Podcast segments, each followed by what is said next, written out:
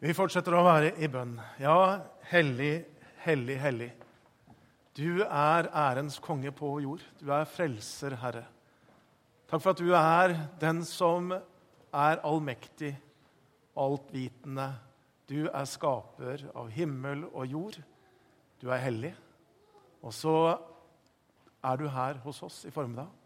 Og så vil du tale til oss, og så vil du berøre våre liv, Herre. Du kjenner oss, du vet hvordan vi har det, den enkelte av oss som er her. Og så har du et ord, du har et budskap, du har noe å gi til den enkelte av oss.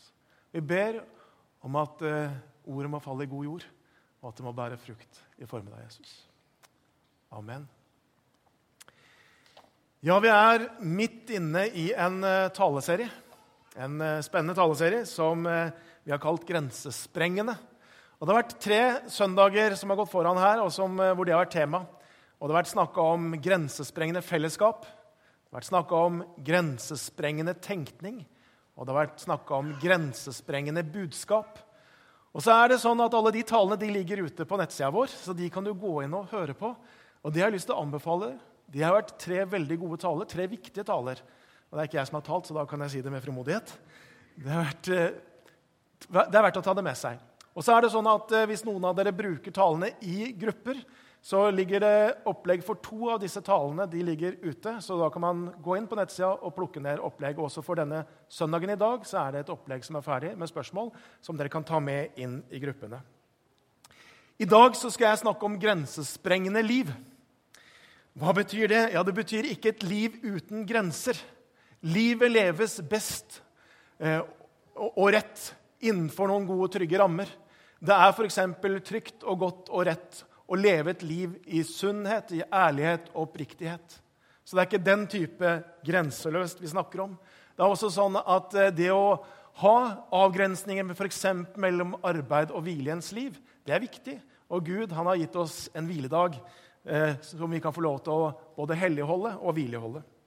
Så det er ikke det jeg snakker om. Men noen ganger så er det begrensninger som hindrer oss i å leve det liv som Gud på en måte har lagt opp for oss, det liv som han har for oss, det potensialet som han har lagt ned i oss. Og Det er de der begrensningene vi skal snakke om i dag. De der tingene kanskje inni oss, inni vår tenkning, som gjør at vi, når Gud inviterer oss inn i noe, så sier vi nei, jeg tror ikke det.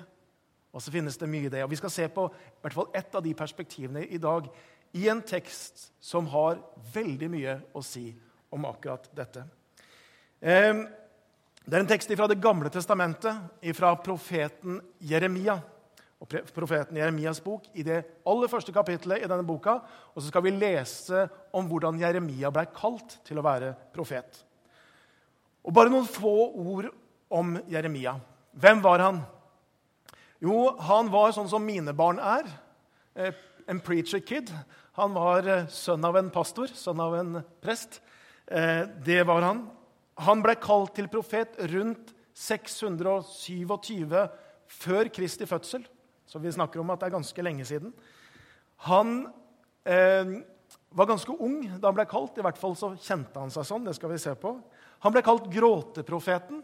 Eh, og Hvis du leser Jeremias bok, så skjønner du litt hvorfor han fikk det navnet.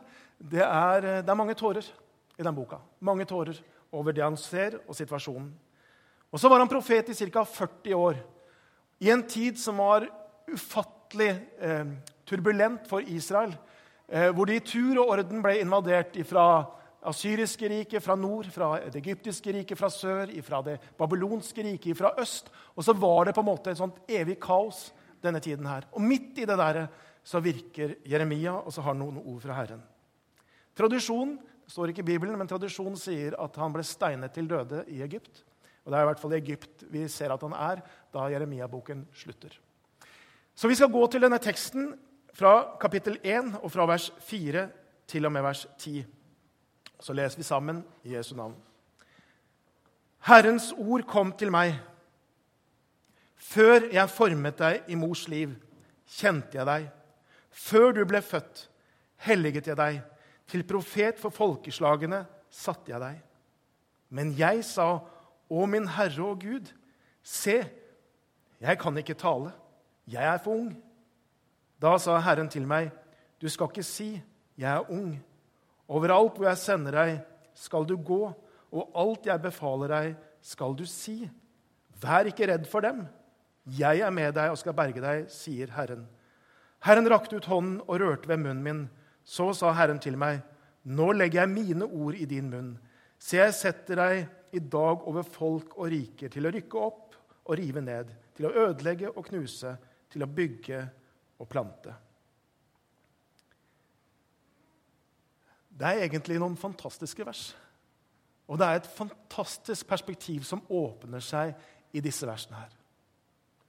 Tenk på det, at den Gud som har skapt alt det vi kan se, den Gud som har skapt hele universet, og vi bare ser en bitte liten brøkdel av Den Gud som er så stor, og som på en måte har det perspektivet, det store perspektivet, han kan også relatere til det enkelte mennesket blant alle de milliarder av mennesker som har levd, som lever, som kommer til å leve. Og så kan Gud relatere til den enkelte. Og så hilser han Jeremia med disse ordene i vers 5. Før jeg formet deg i mors liv, kjente jeg deg. Hvilket perspektiv på Gud, men hvilket perspektiv på mennesket? Sånn er det fått, dere. Sånn er det fatt. Allerede før du ble forma i mors liv, ja, så var du kjent av Gud. Før noen visste at du skulle komme, så var du kjent, du var sett, du var elsket av Gud. Hvilket perspektiv det er på livet, hvilket perspektiv det er på mennesket, hvilket perspektiv det er også på det ufødte liv. Kjent av Gud. Et fantastisk perspektiv. Og så står det og før du blei født, allerede mens du var der i mors liv, får Jeremia hilsen om, så helliget jeg deg. Til profet for folkene satte jeg deg. Hvilke perspektiver det er på våre liv. Det er ikke sånn at eh, på et eller annet tidspunkt så er det vi som bestemmer oss for et eller annet. Det er faktisk sånn at Gud allerede lenge før det, allerede mens vi var i mors liv, så er vi helliget av ham ja, så har Gud en plan for våre liv. Han legger opp et løp for oss. Hvilket perspektiv. Og jeg husker at når vi venta våre barn, eh, så var dette et av de versene som vi minna hverandre om, jeg og Jannicke, mange ganger. Og det var så utrolig rikt og godt å vite det. At det barnet som ikke vi kjente, som ikke tidlig på stadiet ikke visste hva gutt eller jente eller hårfarge eller hvem de ligna på foreldrene, noen ting, lenge før det så var det barnet kjent av Gud.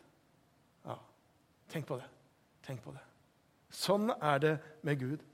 Og så sier også denne teksten her altså Det er ikke sånn at Jeremia først valgte Gud, men det er Gud som valgte Jeremia.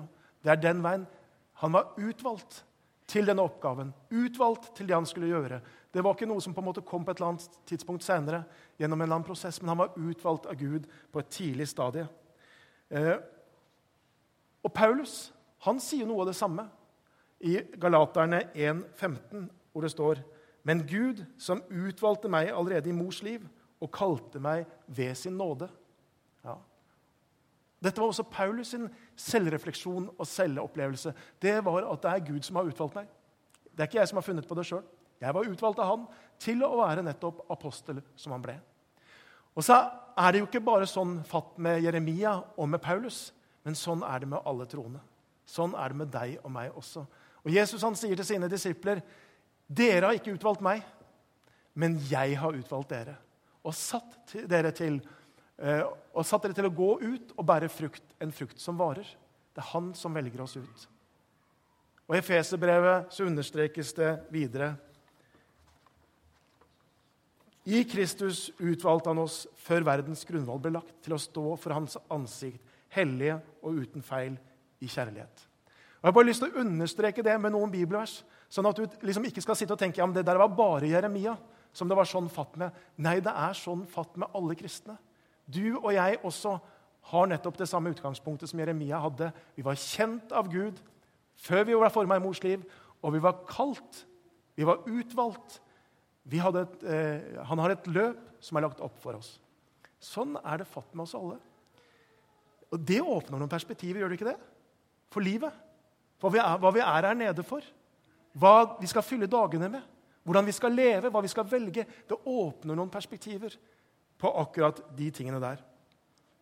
Eh, og Paulus han sier i Efeserne 2,10 følgende.: For vi er Hans verk, skapt i Kristus Jesus, til gode gjerninger, som Gud på forhånd har lagt ferdige for at vi skulle vandre inn i dem.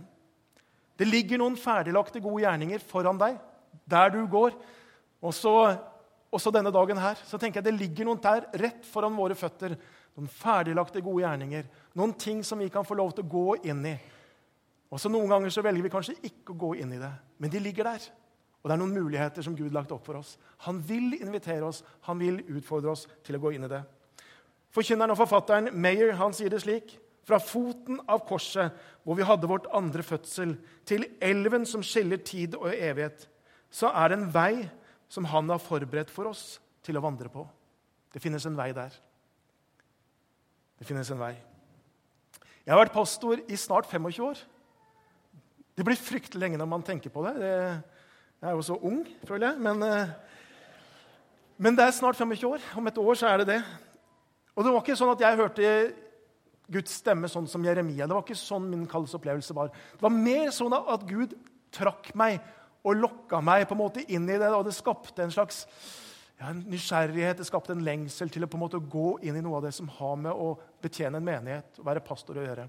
Og så gikk jeg den veien. og så så må jeg si at eh, etter 25 år ja, så har jeg kanskje landa i det. Du syns jeg er sein, ikke sant? Men at det er noe av det her som Gud ønsker at jeg skal gjøre. Og så er det ulike dager i det der. Det er ulike dager når man står i en tjeneste, uansett hvilken tjeneste det er. Men det er det der også de dagene hvor man opplever at noe av utrustningen, noen av gavene, noe av erfaringen, noe av personligheten på en måte flyter sammen. Og så kan du oppleve at yes, her, her, kjenner jeg at jeg står midt i Guds plan med mitt liv. Her kjenner jeg at det er noen ting som fungerer, som er mye mer enn meg. Det, det er ingenting som er som det. det. det. finnes ikke noe annet enn det. Jeg tenker, jeg har aldri lyst til på en måte å nøye meg noe mindre enn det og få lov til å være midt i Guds plan med mitt liv. Finnes ikke noe bedre enn det. Så Gud inviterer, Gud kaller, Gud trekker på oss inn i det han har for oss. Og så er mitt spørsmål vet du hva det er når det gjelder deg. Vet du hva det er? Og så er det noen av dere som tenker ja, vet du, det vet jeg ganske mye om. Og det forsøker jeg faktisk å ta de skrittene. Noen er der. Og Kanskje er noen av dere der at dere tenker det der, det er jeg ikke helt sikker på lenger. Kanskje var det tydeligere før. For fem år siden, ti år siden, 15 år siden. Så er det som om noe har blitt litt sånn uskarpt. Men ser det ikke på samme måte. Og Kanskje noen av dere kjenner bare en sånn dyp dyp lengsel dypt inni dere og finne ut av hva det er. Så er vi på litt ulikt sted. Og så, vi, så, jobber også Gud med oss på litt ulik måte. Men det jeg har lyst til å spørre deg om når du hører noe av det her, at Gud han har en plan for ditt liv. Det finnes ferdiglagte gjerninger. Han har en vei som er din. Gud har skapt deg med en hensikt. Det er ikke tilfeldig at du er du. Hva skaper det i deg av følelser? Kjenner du at du blir trygg? Blir du glad? Blir du spent? Eller kjenner du at det er kanskje noe truende over det? Hvordan opplevde Jeremia det? Vi skal gå tilbake til teksten, og så skal vi lese i vers 6, hvor det står Jeremias respons var følgende.: Men jeg sa, Å min Herre og Gud, se, jeg kan ikke tale, jeg er for ung. Og Jeremias liksom sånn automatisk respons, det som på en måte kom sånn med en gang Han trengte ikke å tenke på det engang. Det var Gud, dette, jo, dette går jo ikke. ikke det, det, er jo helt umulig. Det burde du vite, Gud. Og så hadde han noen grunner for det. Og så er det Jeg er altfor ung. Det var det ene. Og Det kan godt hende at han var ung, men han sier jeg er for ung. Det funker ikke. Og så sier han og jeg kan ikke tale. Jeg mener, En profet som ikke kan tale, det funker ikke. Så det er opplagt. Så det var hans respons sånn, som, en som, som, en automatikk. Det var liksom sånn automatisk respons. Sånn er det. Og Du som kjenner din bibel, du vet at det var ikke bare Jeremia som på en måte svarer noe sånt når, når Gud kaller. Det er mange av de som Gud kaller, som responderer på denne måten her. Jesaja, en annen av de store profetene. Hva er det han gjør i møte med Gud? Hva er det han kjenner på? Ja, Det var ikke det at han ikke kunne tale. Kanskje var han en sånn en som snakka altfor mye. I hvert fall så sier han følgende eh, når han møter Gud.: Ved meg, det er ute med meg, for en mann med urene lepper, og jeg bor blant et folk med urene lepper. Han kjente på det var ikke bra nok, det han hadde. Kanskje var, han, var det altfor mye som glei gjennom munnen hans. ikke sant? Det var det han kjente på. Moses, som førte israelsfolket ut av Egypt. Den store folkeføreren, hva er det han sier når Gud kaller han? Jo, hans problem er jo dette at han klarer, ikke, klarer ikke helt å si det som han skal si. Og så sier han, 'Herre, hør, jeg har aldri vært noen ordets mann, verken før eller nå, etter at du begynte å tale til din tjener.' 'Sen er min munn, og sen er min tunge.' Det var Moses' respons. Og Gideon, en av dommerne, når Gud kaller han, så vegrer han seg også. Så sier han, vet du, jeg, er den yngste. Jeg har ingen innflytelse, så jeg har ingen autoritet. Tilhører den minste stammen. Så sier han min slekt er den svakeste av Manesse, og jeg er den yngste i min fars hus. Ja. Det var hans respons. Alle sammen så har de noen sånne tanker om hvorfor de ikke kan gå den veien som Gud har lagt opp for dem. Alle sammen så tenker de at det, det funker ikke for meg. Jeg er ikke sånn. Kjenner du det igjen? Det gjør jeg. Jeg tenker det er så ofte at det der er noe av det jeg tenker. På et eller annet vis, på ulik måte, ulike ord. Men det derre Nei, jeg kan ikke gjøre det. Og kanskje, kanskje kjenner også du deg igjen. Har du opplevd å bli bitt av lopper noen gang? Opplevd det? Jeg har opplevd det én gang. Da var jeg på ungdomsteam på Filippinene. Og, og våkner en morgen så skjønner jeg at jeg ikke har vært helt alene i soveposen. Det var eh, mange loppestikk og lampebitt, og det klør noe fryktelig. Og lopper er jo fryktelig plagsomme. Men de er jo litt fascinerende òg. Eh, fordi at eh, de kan faktisk trekke 100 ganger sin egen kroppsvekt. Har du sett sånne loppesirkus? De kan hoppe 60 ganger høyere enn Eiffeltårnet. Det ville vært som jeg skulle Nei, 60 ganger høyere enn sin egen kroppshøyde. var det jeg mente. Det ville si det som om jeg skulle hoppe over Eiffeltårnet. Det kom litt feil ut. Men det er rimelig høyt. Og så går det an å trene lopper, faktisk. Og så tenkte jeg vi skulle se en liten film om uh, hvordan uh, lopper trenes.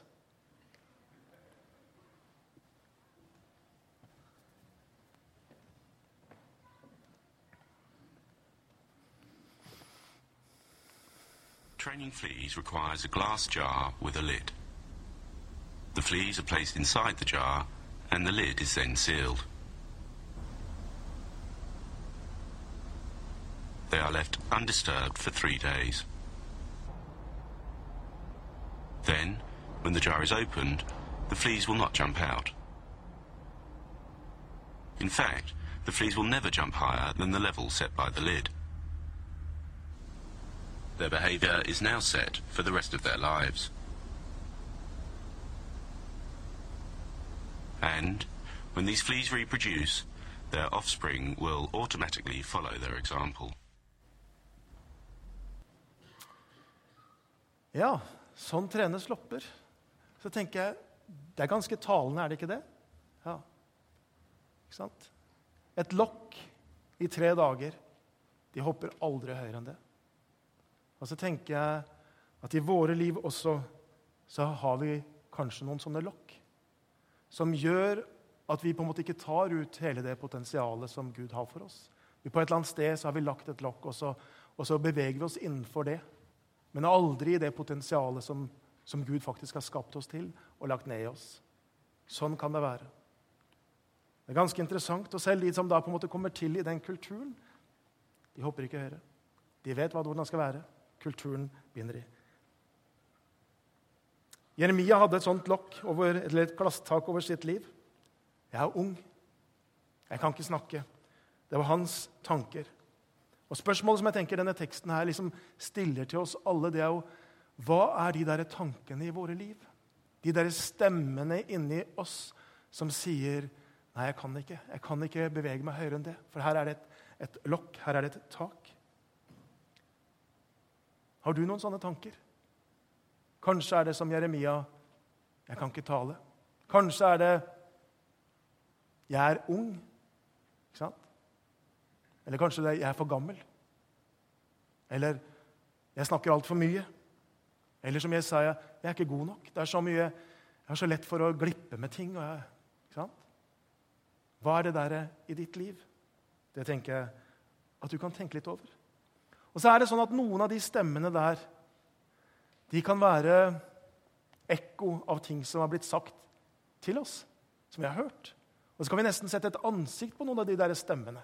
Og så er det kanskje læreren på barneskolen som, som alltid sa 'Å, du tar alltid feil', eller 'du gjør alltid noe feil'. Eller kanskje er det de der som fniste og lo når du forsøkte å si noe offentlig for første gang, og så, og så orka du aldri mer.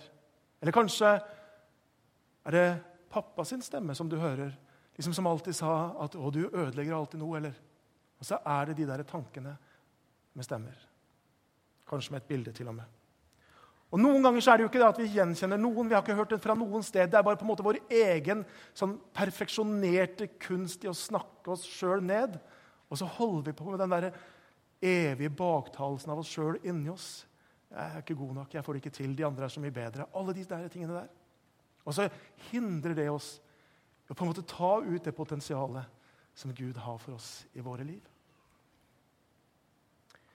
Og Noen ganger så er det til og med dessverre sånn at i en menighet, i en kultur som vi er, ja, så er det noen som opplever at her må jeg på en måte ligge et eller annet sted som gjør at jeg ikke blir synlig, ikke forstyrrer roen, eller at jeg ikke tar noe plass, eller hva det nå enn er. Og så begrenser vi også hverandre. Og Sånn tenker jeg, sånn ønsker vi ikke at det skal være. Jeg tenker Menigheten bør tvert imot være det stedet hvor vi hjelper hverandre å få av de der lokkene, sånn at vi kan leve ut hele Guds potensial. At det er det der rommet til å, til å, være den som Gud har skapt oss til å være. Til å leve det livet som Han har skapt oss til å leve. Til å ta det rommet, ta den plassen som Gud vil at vi skal ta. At vi kan hjelpe hverandre til det. Og ha en kultur som ikke legger et lokk på, men som tar det av. Min opplevelse i mitt liv det har jo vært at menigheten nettopp har vært et sånt sted. Og jeg har sagt det noen ganger før. Jeg syns noen ganger at, at liksom barneskole ungdomsskole og noen av lærerne kunne ja, Det var ikke alltid at jeg følte at de hjalp meg på det. Men i menigheten hvor jeg vokste opp, så opplevde jeg at det var mennesker der som så meg, og som løfta meg, og som ga meg muligheten, og som så et potensial i meg som jeg sjøl ikke så. Eh, sånn var det. Og så er det ett unntak fra det. Eh, og det var Jeg tror jeg var rundt 17 år. Og så sto vi en hel gjeng med ungdommer etter et kveldsmøte. Og så tulla vi og tøysa, og så hadde vi det gøy i gangen eller om det var på trappa. jeg husker jeg ikke helt. Eh, sånn som du kan se ungdommene våre gjør. ikke sant? Og Det er jo god stemning, og det er kjempeflott. Også. og så var det en av ungdomslederne, en god del år eldre enn meg. Og så tok hun meg til side, og så sa hun det til meg. sånn. Du, Jarle, jeg må bare si til deg Du er ikke noe spesiell, altså.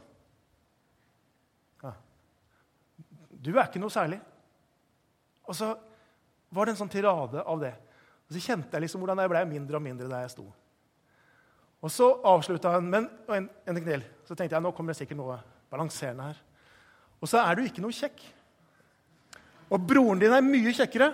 Han sitter der. Og så gikk jeg den, hjem den kvelden, og så var jeg ganske sånn slukøra. Så kjente jeg meg ganske liten. Og så, og så skamma jeg meg. Og så tenker jeg, Hvorfor gjorde jeg det? Det vet jeg ikke. Men jeg sa det aldri til noen. Og så har ikke det båret det med meg som noe. Det har ikke vært noe begrensende. sånn sett. Men det rare er at alt jeg har glemt fra den tiden, så husker jeg den episoden. Mm. Og Derfor så tenker jeg at det er bare for å minne oss på at, og kanskje, kanskje, hun ville på en måte hindre meg å bli høy på pæra. Det kan godt hende. At det var litt så, det kan godt hende. Det var... Uh, det var jo det verste man kunne være, var det ikke det? Men, men, men på en måte hvordan også sånne små ting kanskje ikke, jeg vet ikke hvordan det er ment engang, kan sitte. Og at vi kan være en menighet som heier på hverandre, som oppmuntrer hverandre, som backer hverandre, som løfter hverandre. Det ønsker jeg at vår menighet skal være. Og, og, at det gis rom. At her skal man få lov til å prøve ut nådegavene. Her skal man få lov til å dele hvis man har noe på hjertet. Her skal man få lov til å gå inn i de ulike tingene man kjenner at Gud leder. Og Så kan vi gjøre det sammen. Det håper jeg vi kan gjøre. Ok, det var Gideons respons. Og hva er det da Gud, Hvordan er det Gud på en måte takler den responsen? Er det sånn at Gud sier å ja, det skjønner jeg veldig godt. Det er klart at du er for ung. Det er klart du ikke kan snakke, ikke kan tale. Det var dumt jeg spurte. Nei, det er ikke det han sier. Nå skal vi se på de neste versene. Det står Da sa Herren til meg, du skal eh, ikke si, jeg er ung. Overalt hvor jeg sender deg, skal du gå. Og alt jeg har befalt deg, skal du si. Vær ikke redd for dem. Jeg er med deg og skal berge deg, sier Herren. Herren rakte ut hånden og rørte ved munnen min. Så sa Herren til meg, Nå legger jeg mine ord i din munn. Se, jeg setter deg i dag over folk og rike til å rykke opp og rive ned, til å ødelegge og knuse, til å bygge og plante. Og jeg tenker Gud på en måte arresterer Jeremias tanke og sier, 'Si ikke' Da føler jeg liksom Gud blir litt sånn morsk i panna. Si ikke at du er ung. Ikke si det. Ikke si det om deg sjøl. Ikke uttal den der begrensende tanken. Og Sånn tenker jeg han sier også til oss når de der tankene setter seg. Også. Han sier, Si ikke at du er gammel. Si ikke at du ikke kan snakke. Si ikke at du ikke er god nok. Ikke si de tingene som hindrer deg i å gå inn i det som Gud har for deg. Ikke si det. Det andre Gud gjør, er at han gir henne et løfte. Han sier, 'Vær ikke redd'. Og er det ikke sant at Mange av de tingene som gjør at vi ikke går inn i det Gud har for oss, som vi blir minnet om, det er at vi er redd. Om det er naboen vi blir minnet om å banke på døra til, eller en kollega vi blir minnet om å gå innom kontoret, eller om det er å gå inn i en ny oppgave, så er det ofte en redsel i det. Det er ofte en frykt for et eller annet. For å miste ansikt eller miste posisjon eller anseelse hos de andre eller dumme seg ut eller ikke mestre det, eller hva det nå er. Og så sier Gud, 'Vær ikke redd. Ikke frykt.' Og hvorfor? Fordi jeg er med deg. Det er hans løfte. Jeg er med deg. Og så var det til Jeremia, Men Jesus han gjentar det når han sender disiplene ut. Han sier dere skal gå ut i all verden og se. Jeg er med dere alle dager inn til verdens ende. Det er det han gir oss løfte om. Så når vi går inn i de tingene som Gud har for oss, ja, så er hans løfte at han er med. Han er med.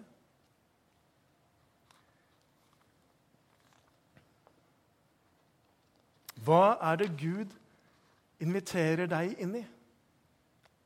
Vet du det? Hva er han, hva er det han på en måte lokker deg inn i? Har du reflektert om det? Kanskje skal du ta permisjon en dag i uken.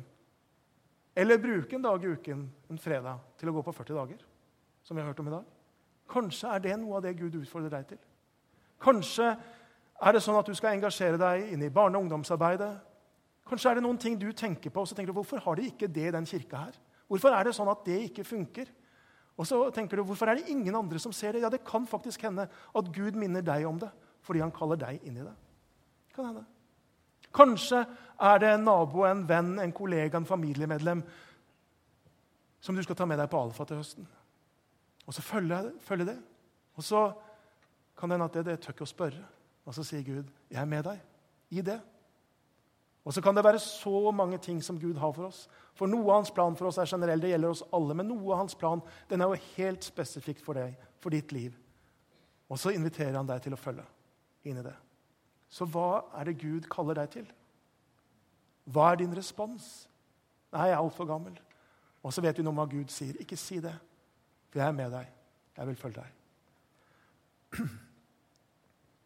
Og så står det også det at Jeremia ikke bare hørte Guds ord, men Jeremia ble berørt av Herren selv. Herren rakte ut hånden og rørte ved munnen min, står det, og sa, 'Nå legger jeg mine ord i din munn.' Jeg tror han trengte den berøringen. Og kanskje du også trenger en berøring fra Herren selv inn i det som han har kalt deg til. Kanskje du trenger at han kommer og berører ditt liv. Og så er han her. Han er her. Gud er her, og han kan berøre ditt liv. Du er kjent av Gud. Ditt liv ligger åpent for ham med alt hva det inneholder. Og så kaller han deg inn i noe som han har for deg, og så bruker han helt vanlige mennesker. Vi er sprukne leirkar alle sammen, med feil og med mangler. Og så bruker han oss allikevel. Også de tankene som du tenker om deg selv. Noen ganger så er det jo nettopp sånne løgntanker som hindrer deg i å gå. Og de tankene sier Gud, ikke tenk sånn. Ikke tenk sånn. Korriger det med sannheten. Og hva er sannheten? Jo, at du er elska. Du er forma av Han. Du er skapt av Han. Du er utrusta med naturgaver, med nådegaver, til å inn i det som Gud har for deg. Og så kan du bli berørt her i formiddag.